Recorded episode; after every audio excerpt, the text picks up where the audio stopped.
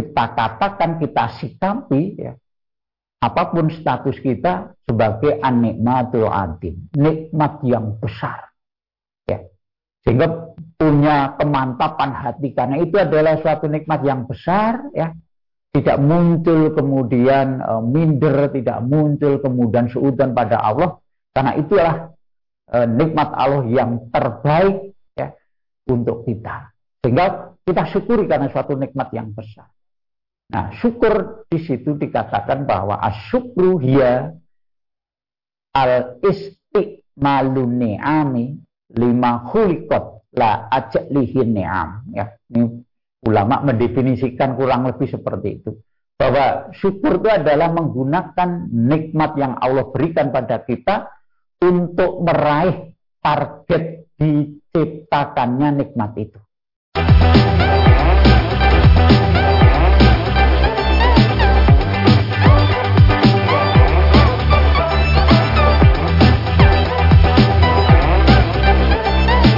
Bismillahirrahmanirrahim. Assalamualaikum warahmatullahi wabarakatuh. Saudaraku pemirsa MTA TV di mana pun Anda berada Puji syukur Alhamdulillah senantiasa kita panjatkan kehadirat Allah subhanahu wa ta'ala Atas limpahan karunia nikmat dan juga rahmatnya Sehingga di kesempatan kali ini kita bisa berjumpa kembali dalam program Fajar Hidayah. Pemirsa, di pagi hari ini yang baik, mari kita senantiasa manfaatkan untuk kekuatan dan sesuatu yang baik pula. Salah satunya untuk memperdalam ilmu agama kita dan di program Fajar Hidayah edisi kali ini kita akan bersama dengan beliau Ustadz Dr. Andes Emut Khairi. Serta hari ini kita sudah terhubung dengan beliau melalui aplikasi meeting online. Langsung saja kita sapa. Assalamualaikum warahmatullahi wabarakatuh. Waalaikumsalam warahmatullahi wabarakatuh. Kabar baik sehat hari ini Ustadz? Alhamdulillah Mas Fahid Alhamdulillah dan teman-teman di studio. Alhamdulillah saat ini kondisinya sehat dan baik juga Ustaz. Dan semoga doa baik kita juga sampai ke untuk para pemirsa. Kondisinya juga dalam keadaan baik dan sehat pula ya Ustaz ya. Baik ya. Ustaz untuk hari ini yang akan disampaikan tentang apa ini Ustaz? Ya, eh, saya melanjutkan hmm. ya, target hidup seorang mukmin yang kemarin baru bahasanya kita bahas e, globalnya ya. Yeah. Maka ini saya mau masuk karena kemarin salah satu syarat e, target atau target dari hidup seorang mukmin itu ketika di dunia itu ya hmm. bisa beramal soleh, memperoleh hasanah di dunia. Yeah. Nah, tetapi semua aktivitas yang dilakukan itu senantiasa dikemas ya dalam sifat atau sikap kebahagiaan. Oh, iya. ya, maka hari ini eh, akan agak kami detailkan bagaimana eh, bentuk kebahagiaan itu. Oh, iya, baik. Sebelum nanti kita dengarkan penjelasan lebih lanjut terkait dengan materi hari ini, saya sampaikan untuk para pemirsa yang nantinya akan bertanya, bisa menghubungi kami di 0271 679 3000 atau di line SMS dan WA di 08 11 255 3000. Dan juga para pemirsa senantiasa kami mengingatkan untuk selalu menjaga kondisi kita, kesehatan kita, supaya dalam menjalankan aktivitasnya, ibadahnya bisa optimal. Baik Ustaz, untuk penjelasan lebih lanjut terkait dengan pelajaran hari ini kami persilahkan. Baik. Assalamualaikum warahmatullahi wabarakatuh. Waalaikumsalam. Innal hamdalillah nahmatuhu wa nasta'inuhu wa nastaghfiruh wa na'udzu billahi min sururi anfusina wa min sayyiati a'malina. Mahyahdihillahu fala mudhillalah wa may yudlil fala hadiyalah asyhadu an la ilaha illallah wa asyhadu anna muhammadan abduhu wa rasuluh. Amma ba'd Qala Allah Ta'ala fil Qur'an Karim ya ayyuhalladzina amanu taqullaha haqqa tuqatih wa la tamutunna illa wa antum muslimun. Qala Nabi sallallahu alaihi wasallam khairukum man ta'allamal Qur'ana wa 'allama. Bapak Ibu dan saudara sekalian, pemirsa ya, pecinta program Pajar Hidayah. Ya, di mana pun Anda berada yang insya Allah dimuliakan Allah. Alhamdulillah atas izin dan nikmat Allah di pagi yang cerah ini kita diberi nikmat yang luar biasa besarnya ya dalam bentuk nikmat kesempatan. Nah dengan nikmat kesempatan itu kita diberi oleh Allah suatu kemampuan ya kemauan untuk bisa hadir pada forum yang mulia ini untuk kita bisa menambah ya, pengetahuan tentang dinula ini. Yang itu bisa kita pakai sebagai dasar ya, referensi acuan untuk menjalani hidup dan kehidupan kita. Ya. Salah satu doa kita, Allahumma aslih li diniyalladzi huwa ismatu amri. Ya Allah, perbaikilah agama kami ya karena dalam agama itu tempat kembalinya semua urusan kami. Ya. Maka mari nikmat kesempatan ini kita syukuri secara maksimal dengan jalan memfokuskan ya konsentrasi kita untuk kita bisa taklim secara optimal ini. Bapak Ibu dan saudara sekalian yang insya Allah dimuliakan Allah, mari kita lanjutkan ya bahasan tentang bagaimana kita meraih kebahagiaan, bagaimana kita bisa meraih al-hasanah di dunia wal akhirah. Nah pada pagi hari ini kita akan lanjutkan ya kajian kita, bahasan kita terkait bagaimana kita bisa merealisasikan target hidup seorang mukmin ya yaitu bagaimana kita bisa meraih kebahagiaan ya, via atau melalui wasilah penghambaan dan keridho dalam rangka mencari keridhaan Allah. Ya. Baik, kita coba dari sini ya. Bapak Ibu dan sekalian, ya, bagaimana kita melakukan taklim ya. Nah, dalam proses taklim itu ya ada strategi atau metode bagaimana kita bisa mempelajari suatu materi. Ya, melalui yang pertama nanti adalah kita bahas takrifnya, ya, yaitu pengertiannya. Ya. Baik itu takrif lugawi maupun takrif syar'i, ya, itu pengertian definisi secara bahasa maupun pengertian atau definisi secara syariah. Yang kedua setelah itu kita bahas targetnya. Ya, ini saya langsung saja. Target artinya hasungan. Ya, motivator. Ya.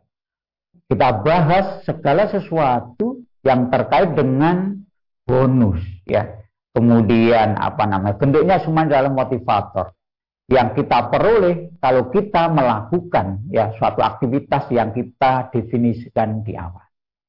Kemudian di samping eh, tarhib atau hasungan, kita bahas juga tarhibnya. Tarhib adalah ancaman, warning. Ya. Artinya sesuatu yang kalau kita tidak melakukan itu, kita akan memperoleh kerugian. Ya. Maka dengan tarhib dan tarhib, maka kemudian kita bahas takalifnya. Takalif itu artinya eh, penjelasan tentang syariat itu secara detail. Karena kita sudah mengetahui apa itu bonusnya, apa itu ancamannya, maka insya Allah kita sudah siap untuk mengetahui, mempelajari ya, syariat itu secara detail. Nah kemudian dari pengertian e, takalif, ya, pembebanan hukum, penjelasan tentang syariat secara detail, nanti kita akan siapkan prepare-nya.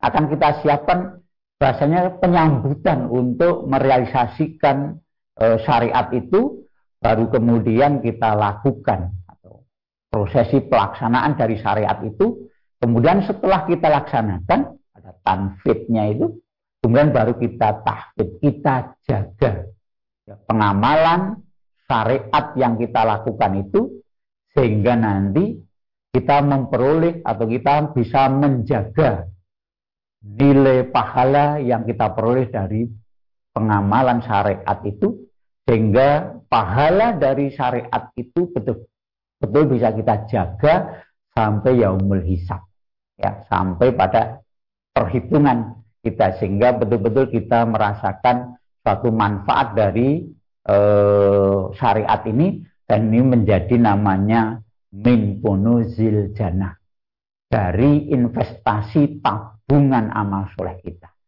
Nah, kurang lebih strategi metode mempelajari satu syariat itu dan yang sudah kita pernah sampaikan di beberapa pertemuan yang lain. Baik. Bapak Ibu dan sekalian, mari kita lanjutkan ya.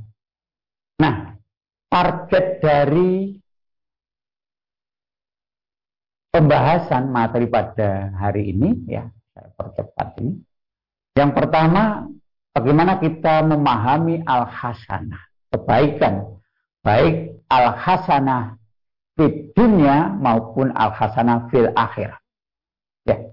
Dan kita prioritaskan kalau kita harus memprioritaskan bagaimana kita bisa meraih kesuksesan di al-hasanah fil akhir. Ya. Maka ada biasanya pembahasan-pembahasan ya dari para mubalik itu ya ada empat golongan manusia itu ya. Yang pertama adalah sukses dunia, sukses akhirat ya. Ini yang menjadi suatu kondisi ideal ya. Dan tujuan semua manusia ya. Jadi sukses dunianya dan sukses akhirat. Tapi kalau tidak bisa secara ideal ini ya minimal nanti ya eh, tidak sukses di dunia, ya, tetapi sukses di akhirat. Bahasanya adalah ya di dunia boleh jadi tidak sukses. Bahasa mudahnya adalah miskin di dunia, tetapi kaya atau sukses di akhirat. Kemudian yang ketiga itu adalah ya, eh, sukses dunia, tetapi ya, tidak sukses di akhirat yang paling tentunya tidak menjadi pilihan itu yang ketiga dan keempat apalagi yang keempat adalah ya tidak sukses di dunia maupun tidak sukses di akhirat. Maka ya idealnya kita bisa sukses di dunia maupun sukses di akhirat. Ini yang menjadi target kita ya. Sehingga target yang pertama yang harus kita senantiasa pegang ingat dan harus kita selalu upayakan adalah bagaimana kita sukses di akhirat itu. Nah, kemarin sudah kita bahas ya, mari kita ingat kembali ya bahwa target hidup itu adalah kita memperoleh al hasanah ya. Bagaimana doa kita Rabbana atina fid hasanah wa fil akhirati hasanah wa qina adzabannar ya. Nah, sukses di akhirat yang kemarin adalah ya bagaimana eh, salah satu ayat Al Imran 185 itu di sana faman yuhzika aminar wa udkhilal jannah faqad fas ya saya ambil di tengah itu. Maka barang siapa yang dihindarkan dari neraka dan dimasukkan surga maka dia termasuk orang-orang yang memperoleh kesuksesan Pas itu diterjemahkan kesuksesan dan keberuntungan. Baik. Kemudian eh, bagaimana kita bisa merealisasikan itu ya?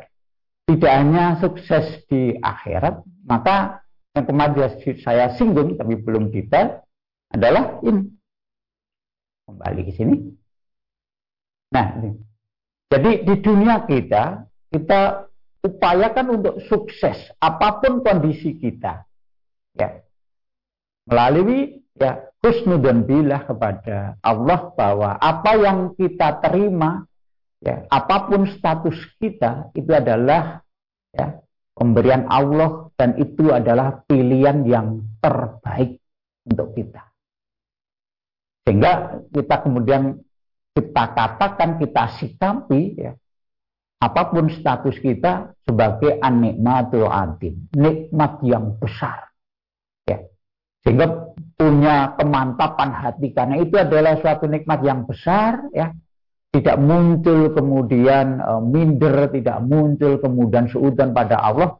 Karena itulah e, nikmat Allah yang terbaik ya untuk kita. Sehingga kita syukuri karena suatu nikmat yang besar.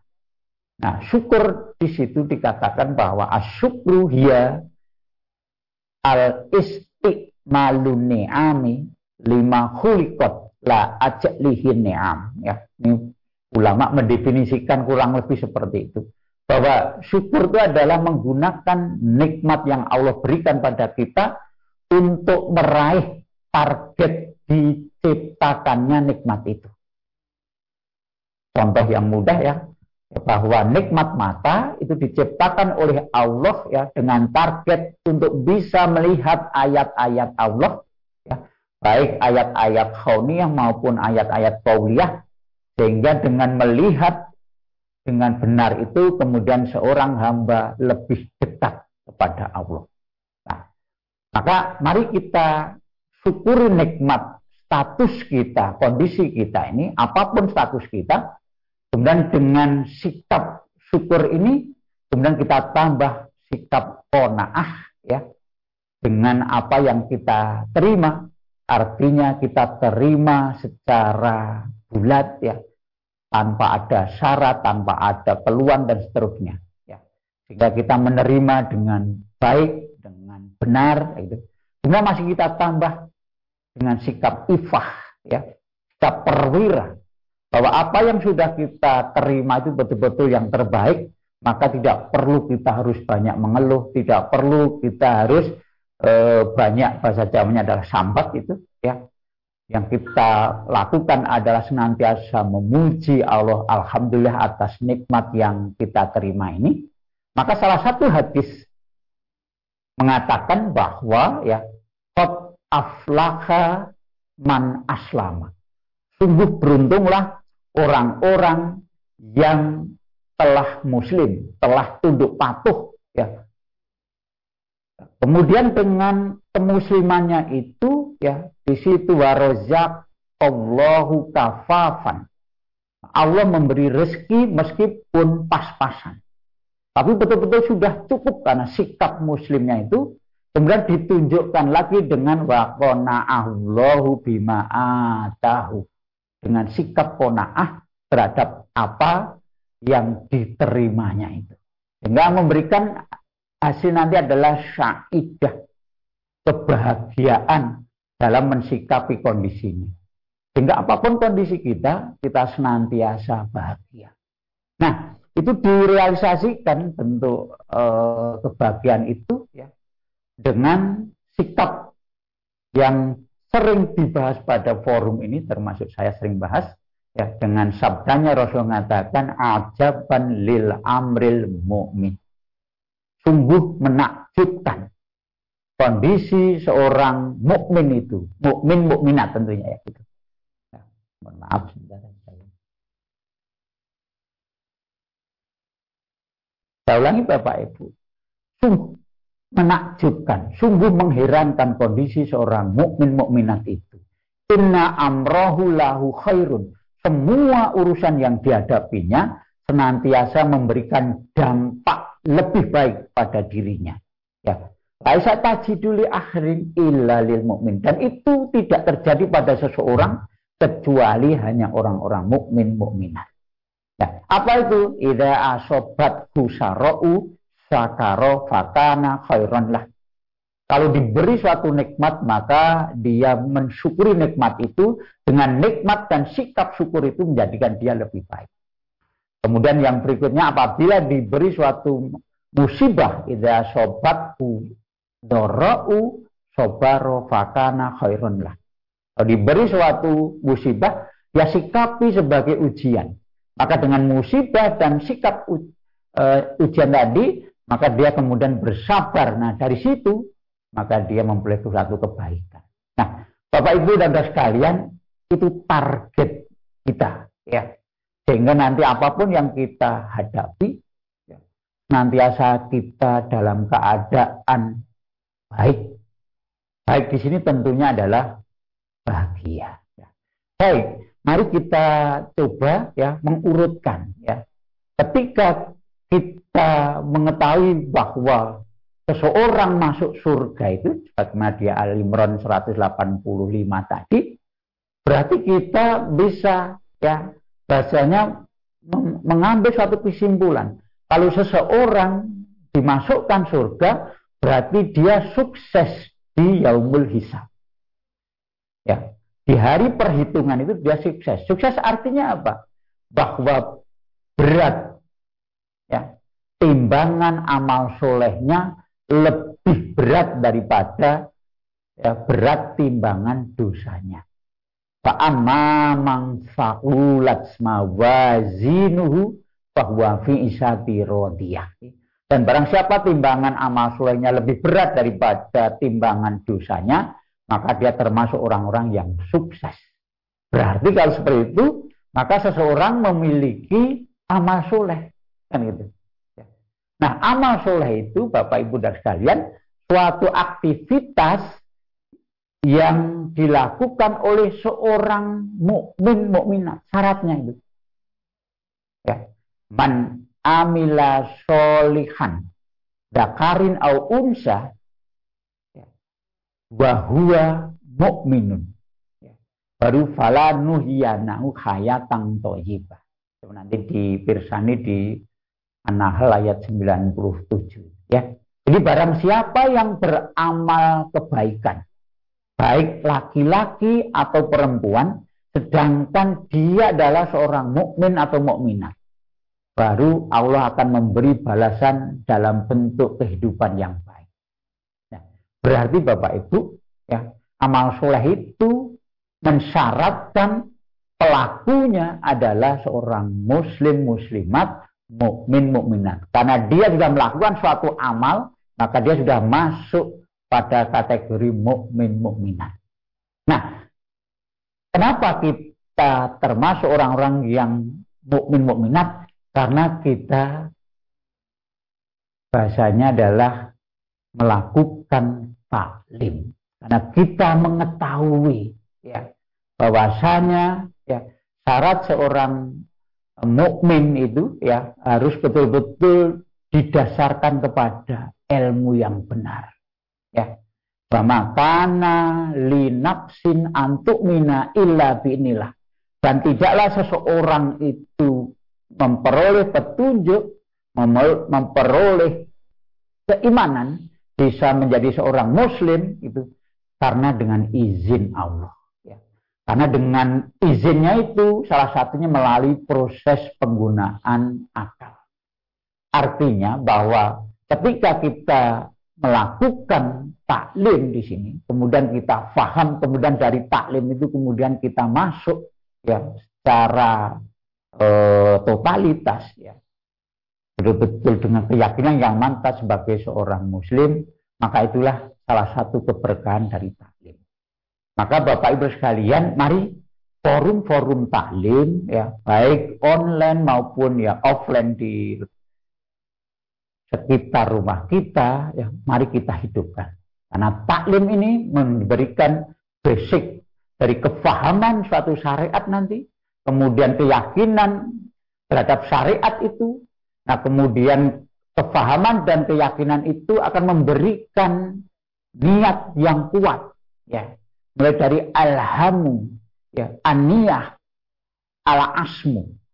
Jadi ada cita-cita, kemudian muncul niat dan niat yang kuat disebut dengan azam. Ya. Untuk apa? Untuk merealisasikan syariat-syariat yang disyariatkan oleh Allah dan Rasulnya. Sehingga kita betul-betul nanti bisa beramal soleh, kemudian amal soleh itu bisa kita jaga, kemudian kita sukses di yang hisab dan kita masuk surga. Nah, kurang lebih seperti itu, maka mari kita secara singkat ya, bahwa aktivitas seorang mukmin senantiasa ala ilmin. Ini kemarin yang sudah berdasarkan ilmu yang benar.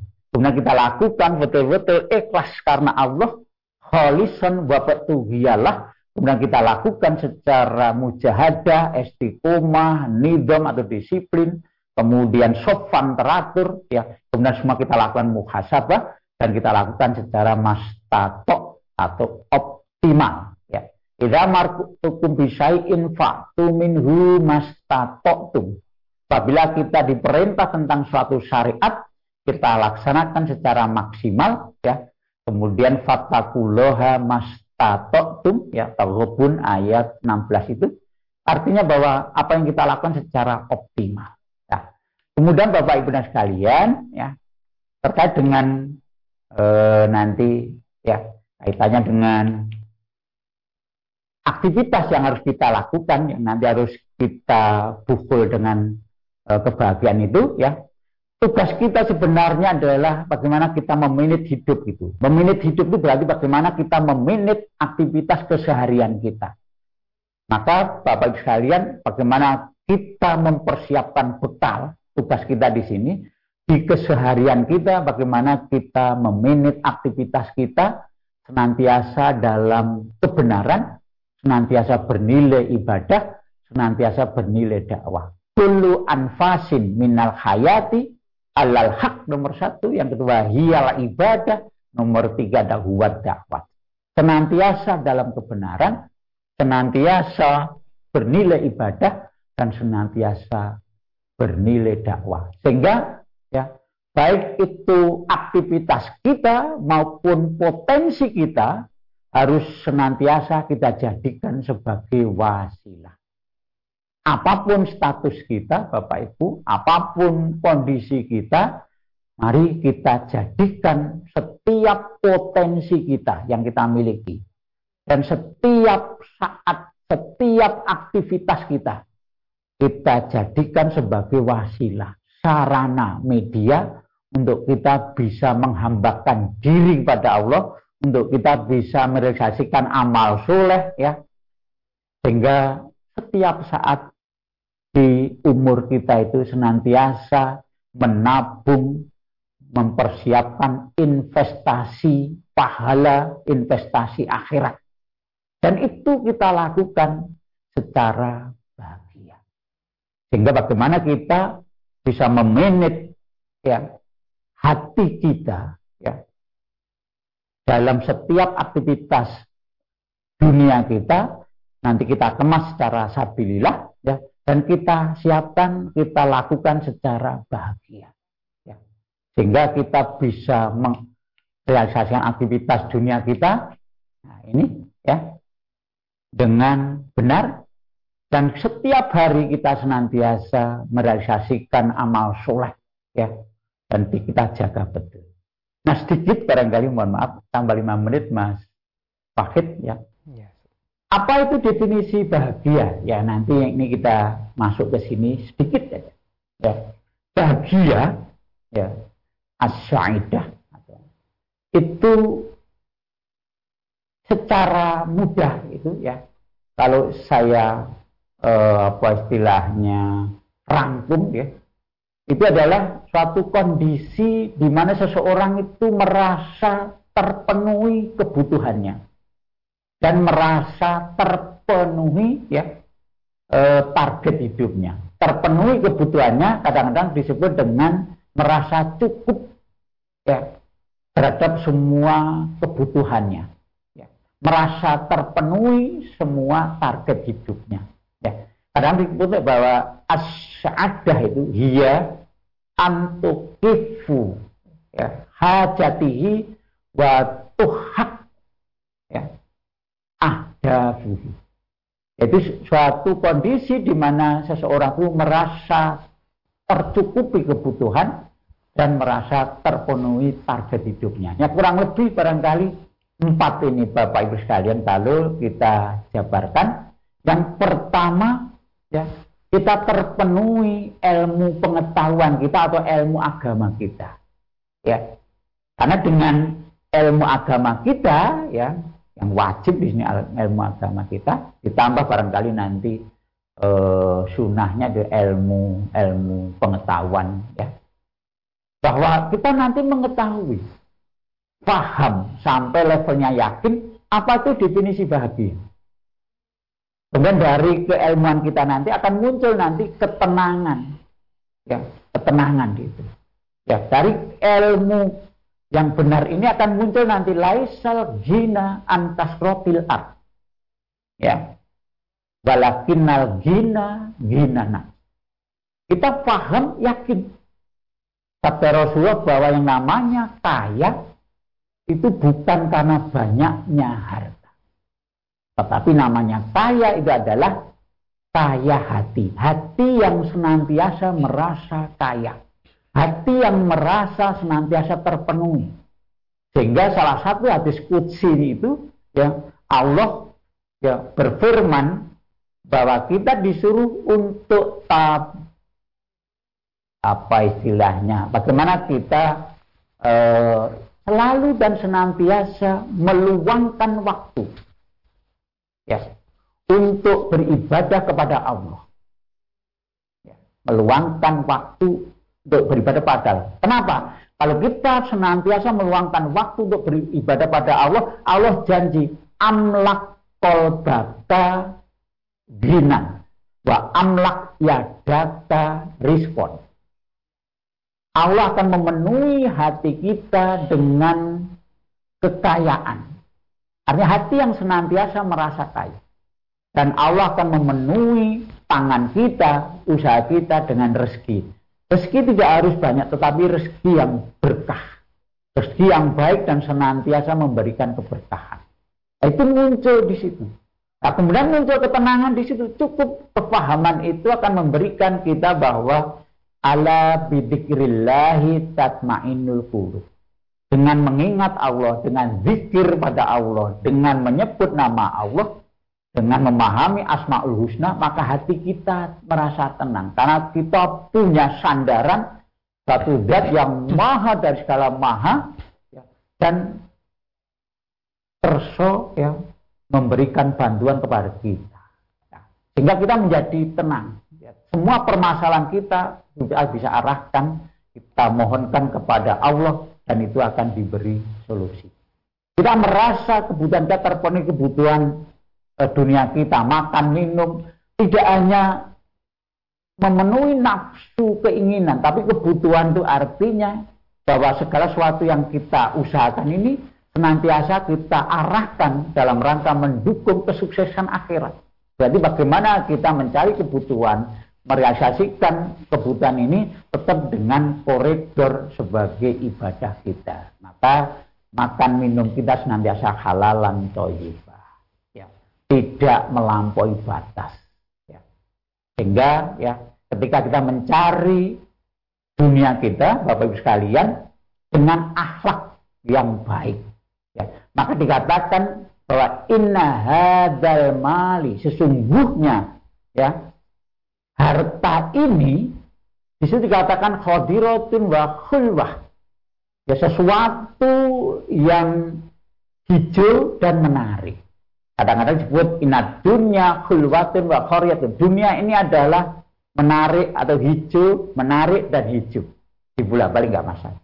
Kemudian yang paling paman akhodaha bisa kowati nafsin. Nah ini. Barang siapa yang mencari dunia itu dengan akhlak yang baik bahasanya. Tidak ambisius ya gitu. Bahasa Jawanya sak mati. Oh, gitu maka di situ dikatakan ya, burika lahufi.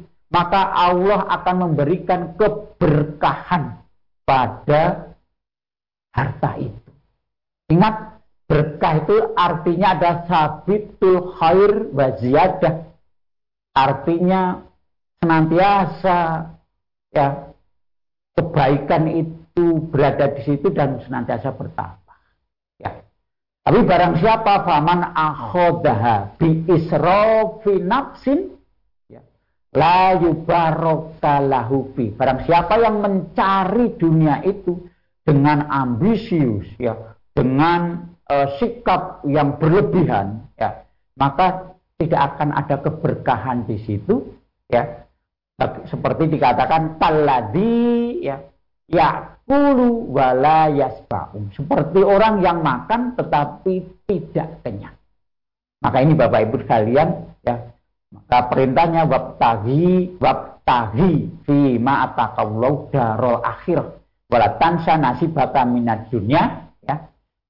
Ila akhiril ayat ya kita disuruh untuk senantiasa mem mengutamakan, memprioritaskan, ya, mengorientasikan mencari kebahagiaan di akhirat. Tetapi kita tidak melupakan bagian kita, kebahagiaan kita di dunia ini. Ya. Nah, sehingga nanti termasuk kemuliaan ini ya insya Allah kita akan peroleh. Sehingga Bapak Ibu sekalian mari kita realisasikan ini ya sikap kita kita arahkan setiap saat senantiasa merasa terpenuh kebutuhan kita, merasa terpenuh target hidup kita karena target hidup kita hanya untuk berbakti pada Allah, untuk mencari keridoan Allah, sehingga insya Allah kita termasuk orang-orang yang sudah memenuhi syarat untuk merealisasikan kebahagiaan. Dan kebahagiaan itu kita jadikan senantiasa tabungan investasi untuk akhirat dan mari kita jaga sehingga betul-betul nanti di yaumul hisab kita sukses. Ya, saya pikir itu Mas Wahid ya. sebagai intro dan bahan untuk diskusi. Ya baik, terima kasih Ustaz untuk penjelasannya. Semoga kita nanti bisa semakin paham terkait dengan penjelasan Ustaz. Dan setelah ini kita akan bacakan para pemirsa pertanyaan yang sudah masuk melalui pesan WhatsApp dan SMS di 08112553000 atau nanti para pemirsa bisa bertanya secara langsung di 02716793000. Namun pastikan para pemirsa tetap bersama kami dalam program Fajar Hidayah. Baik, saudaraku pemirsa MTA TV di mana pun Anda berada, Terima kasih Anda masih bersama kami dalam program Fajar Hidayah. Dan di kesempatan kali ini kita masih bersama dengan beliau Ustaz Dr. Andes Semut Khairi MSI serta mempersilahkan untuk para pemirsa yang akan bertanya secara langsung bisa menghubungi kami di 0271 6793000 atau melalui pesan WhatsApp, SMS dan WA di 08112553000. Baik, Ustadz, kita berikan kesempatan pertama untuk penelpon di kesempatan kali ini. Ya, kita terima. Ya. Halo, Assalamualaikum. Waalaikumsalam warahmatullahi wabarakatuh. Baik, dengan siapa? Dari mana ini? Ini Pak Tunggal yang ditolong. Pak. Eh, pertanyaan saya ya. ini saya ulang lagi Ustadz yang Sabtu kemarin ya, Sabtu kemarin. Ya, bagaimana Bapak Tunggal? Eh, mengenai sholat jamaah itu ya. Iya. Mengenai sholat jamaah uh, itu bukan masbuk, jadi sholat itu sama dengan imam di belakangnya imam. Tapi bacaannya itu yang yang sir atau yang duhur atau ngasar itu kan saya ngambilnya yang uh, pendapat kedua. Terus saya se maksimal mungkin saya kejar itu kadang-kadang baru saya na'an am ta'alim uh, imamnya itu ruko. Nah terus apakah boleh itu saya akan mengambil yang uh, eh, pendapat yang ketiga. Kalau nggak boleh, kalau saya mengulang lagi, kok gimana ya? Saya sholat bareng imam kok saya masih menambah, menambah lagi itu gimana? Tolong Ustaz ya, eh, tausiahnya. Makasih. Assalamualaikum. Ini bu, makanya bukan mabuk bareng sama imam. Ya. Assalamualaikum. Assalamualaikum warahmatullahi wabarakatuh. Pak Tunggal. Tunggal ya? Yes. Ya. Alhamdulillah. Jadi ini salah satu berkah ngaji pak artinya kita kemudian betul-betul e, kepingin ibadah kita itu benar ya maka sampai e, menanyakan secara detail jadi e, terkait dengan makmum ya masbuk. Atau di sini malah tadi sebenarnya mak, e, makmum tidak masbuk ya bersama imam gitu. Ya kebetulan e, sholatnya imam adalah sir ya. Tentunya kita eh, pakai dalil secara umum aja Pak. Bahwa kalau kita mengambil salah satu pendapat, maka pendapat itu kita pegang dan kita konsisten bahasanya ya, dengan pendapat itu. Ya. Artinya ya siap dengan segala risiko kalau kita mengambil pendapat itu. Ya. Itu maksud saya jangan sampai kemudian nanti pendapatnya kemudian pindah-pindah. Mohon maaf itu berarti kita cari enaknya bukan gitu jadi e, beragama itu ya kita punya dasar ya la taqfu ma salaka bi ilmun ya artinya kita tidak akan melakukan suatu aktivitas sehingga kita mengetahui dasarnya. Jadi kita sudah tahu dasarnya apalagi nanti ibadah. Nah, gitu. Ya. Al aslu fil ibadati al itiba al aslu fil ibadati butlan hatta yaquda dalul amri. Betul-betul yang mana ibadah itu hanya mengikut. Ibadah itu betul-betul eh, awalnya dilarang sehingga datang dalil perintahnya. Artinya bahwa ibadah itu hanya kita mengikut harus ada dalilnya nah kalau kita sudah mengambil di antara pendapat-pendapat pendapat yang kita e, yakini, maka kemudian kita lakukan secara istiqomah, secara konsisten. Ya gitu. Nah, kalau kita memahami bahwa e, tidak ada rekaat kecuali ya dibaca Al-Fatihah secara ya, lengkap. Itu kalau kita memahami itu ya, maka ya semaksimalnya kita berusaha itu. Kalau misalkan, mohon maaf, kalau misalkan imam kemudian sudah rukuk, kita e, baru sirotol ladina an'amta alaihim. Kan jenengan bisa masuk, selesaikan, sehingga sampai e, jenengan bisa dapat al-fatihah, baru mengikuti rukuk. Nah gitu loh. Tapi kalau jenengan memperkirakan karena imamnya di sini kebetulan cepat, maka nanti ya syarat menjadi imam itu ya harus dipenuhi. Ya. Betul-betul imam itu memikirkan. Yang dilakukan itu ya memikirkan makmumnya gitu. Sehingga tidak boleh cepat kemudian juga tidak boleh lama sekali. Yang sak kita disuruh untuk memikirkan umat atau memikirkan makmumnya. Nah kalau kemudian jenengan e, perkirakan kalau ini saya tambahkan sampai selesai al-fatihah maka pasti imam sudah ya bangkit dari ruku maka ya sudah berarti itu kita rukuk saja kemudian nanti kita nambah satu rekaat. Tidak masalah Pak karena memang kita e, mengambil pendapat dan kita harus konsisten dengan pendapat itu. Maka sesuatu yang yang biasa ya eh, kadang-kadang kita e, bareng malah duluan kita tapi makmum masbuh ini ya. Masbuh kemudian e, ada yang yang lebih eh, akhir dari kita misalkan karena kita pendapatnya bahwa Al-Fatihah harus lengkap, maka kita naik menambah. Saudara kita sudah salam, bukan masalah nih, bukan masalah insya Allah eh, saling memahami dan ya. artinya kita mengambil pendapat dan kita sikapi secara ya konsisten itu lebih baik Pak. Oke, ya. pikir Baik, demikian untuk Pak Tunggal semoga bisa dipahami. Kita beralih ke pertanyaan di pesan WhatsApp Ustadz dari Pak Abdullah di Merauke. Pertanyaannya, saya punya adik ipar, punya masalah dengan tetangga sudah lama tidak saling sapa sampai sekarang. Padahal orang berdamai lebih dari tiga hari berdosa. Yang saya tanyakan, kalau di Al-Quran surat apa dan ayat berapa? Dan kalau hadis, mohon dibacakan. Insya Allah saya nanti akan sampaikan ke adik ipar, Ustaz. Uh, uh, Pak atau Mas Abdullah ya di Merauke. Nah, eh, barangkali hadisnya itu gini. Jadi yang pertama dulu. Tadi kelihatannya mungkin katanya salah ya. Artinya orang yang tidak berdamai gitu, bukan orang yang berdamai gitu ya. Orang yang tidak berdamai ya. Orang yang mendiamkan saudaranya itu ya. Itu yang ada kalau konteksnya itu itu adalah hadis ya bahwa dalam salah satu hadis yang di situ dikatakan malah hadis riwayat Bukhari Muslim ya. Nah, ini saya tampilkan e, di sini silakan itu. Jadi di situ katakan la yahilu lil muslimin ya an yahjuro akhahu fauqa salasin layalin. Ya. Jadi jadi tidak halal bagi seorang muslim an yahjuro dari kata hijrah di sini ya. Artinya meninggalkan atau mendiamkan ahohu saudaranya fautlo salasin layalin. Lebih dari ya tiga hari kalau diterjemahkan tiga malam tiga hari. Ya. Artinya di situ ya memang Rasulullah melarang bagi seorang mukmin mukminat gitu untuk mendiamkan saudaranya itu lebih dari tiga hari. Berarti ya artinya kemudian eh, apa istilahnya kemudian kita berusaha untuk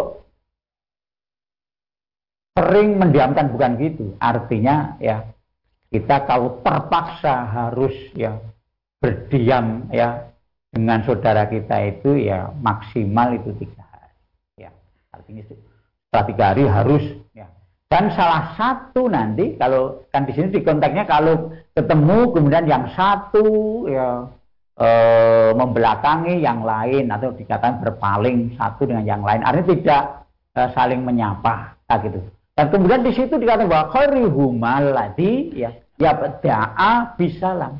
Orang yang terbaik di antara dua muslim tadi adalah orang yang pertama kali memberi salam. Orang yang memulai untuk menyambung. Ya. Ini eh, Pak Abdullah di hadis yang lain ya, Bapak Ibu dan sekalian, ya, kita diberi eh, tahu oleh Rasulullah ya, melalui Rasulullah itu memberi menanyakan kepada Ubah ya, ya Ubah maukah aku kabarkan kepadamu suatu akhlak yang mulia dari penghuni dunia dan penghuni akhirat. Artinya akhlak yang mulia betul. Ya. Iya. Nah, saat itu Ubah belum menjawab, lalu Rasul kemudian menjelaskan ada tiga yang di situ dijelaskan itu ya, sebagai akhlak yang mulia dan tidak mudah untuk merealisasikan kecuali orang-orang yang memiliki akhlak mulia. Yang pertama di situ adalah kita disuruh untuk sil man kotoak. Sambunglah memulai sambunglah kepada orang yang menyengaja untuk memutuskan silaturahim kepadamu. Ya. Ini tidak mudah Bapak Ibu ya. Kecuali hati kita betul-betul ikhlas ya gitu. Kita disuruh memulai untuk menyambung kepada orang-orang yang e, memutuskan, sengaja memutuskan ya, e, silaturahmi ini. Yang kedua, kita disuruh untuk e, memberi waktu iman haromaka. Berilah kepada orang-orang yang mengharamkan diri untuk memberi pada kita. Bahasanya, kita untuk mendahului, untuk memberi kepada orang-orang yang sangat bakhil pada kita. Ya. Tapi kita dengan enak, ya, dengan bahagia, ya, tidak merasa direndahkan, kita untuk memulai memberi. Pertama tadi memulai untuk memberi salam, memulai untuk menyambung silaturahim. Yang ketiga adalah kita disuruh untuk takfu aman dolama. Ya. Berilah maaf kepada orang-orang yang mendolimi kamu sengaja mendolimi kamu. Sampai ya Bapak sekalian, ya sebenarnya kita mampu untuk ini mohon maaf ya, masih ya lagi ya, ya. bisa dilanjutkan Ustaz oh, iya. eh, jadi kita sebenarnya mampu untuk membalas ada kesempatan justru orang yang mendolimi kita itu adalah orang yang berada pada penguasaan kita atau kekuasaan kita. Tapi kita justru mengambil jalan untuk memaafkan. Ya. Nah, maka di situ ada dikatakan bahwa orang yang berakhlak mulia itu adalah man odaro rofa. Orang yang mampu untuk memberi atau untuk membalas tetapi untuk memaafkan. Nah, maka mari Bapak Ibu dan sekalian sebagai salah satu bentuk ya e, realisasi eh, nilai-nilai akhlak kita, mari kita menjadi seorang yang satu mudah untuk memaafkan ya, mudah untuk memulai menyambung silaturahim, ya, mudah kemudian untuk memberikan sesuatu kepada orang lain meskipun orang lain tadi mengharamkan untuk diri. Ya, kita untuk memulai. Ya, dan saya sampaikan bahwa dan tidaklah seseorang itu tawaduk kepada saudaranya kecuali Allah akan meningkatkan atau mendikan derajat kemuliaannya. Ya, itu harus kita realisasikan sehingga insya Allah kita menjadi hamba Allah yang betul-betul berakidah lurus tetapi senantiasa berakhlak mulia kepada orang lain. Ya, baik. Terima kasih untuk penjelasannya dan semoga bisa dipahami oleh saudara ya. Abdullah di Merauke. Dan sebagai pertanyaan yang kita bacakan saat terakhir dan semoga ini nanti bisa menjadi amal kebaikan untuk kita semua dan bisa dipahami Amin. oleh para pemirsa. Semoga Ustadz dan teman-teman yang di Yogyakarta senantiasa diberikan kesehatan dan jumpa Amin. lagi di episode selanjutnya Ustadz. Assalamualaikum warahmatullahi wabarakatuh. Waalaikumsalam warahmatullahi wabarakatuh. Baik, saudaraku pemirsa MTA TV di mana pun Anda berada, demikian tadi program Fajar Hidayah untuk edisi kali ini. Kami mengucapkan terima kasih untuk partisipasinya. Serta mohon maaf apabila ada pertanyaan yang belum sempat kami bacakan. Serta jangan lupa untuk selalu menjaga kondisi kita supaya tetap sehat dan bisa menjalankan ibadah secara maksimal. Akhirnya saya Wahid Arifuddin pamit undur diri. Alhamdulillahirabbil alamin. Subhanakallahumma wa bihamdika asyhadu alla ilaha illa anta astaghfiruka wa atubu ilaik. Assalamualaikum warahmatullahi wabarakatuh.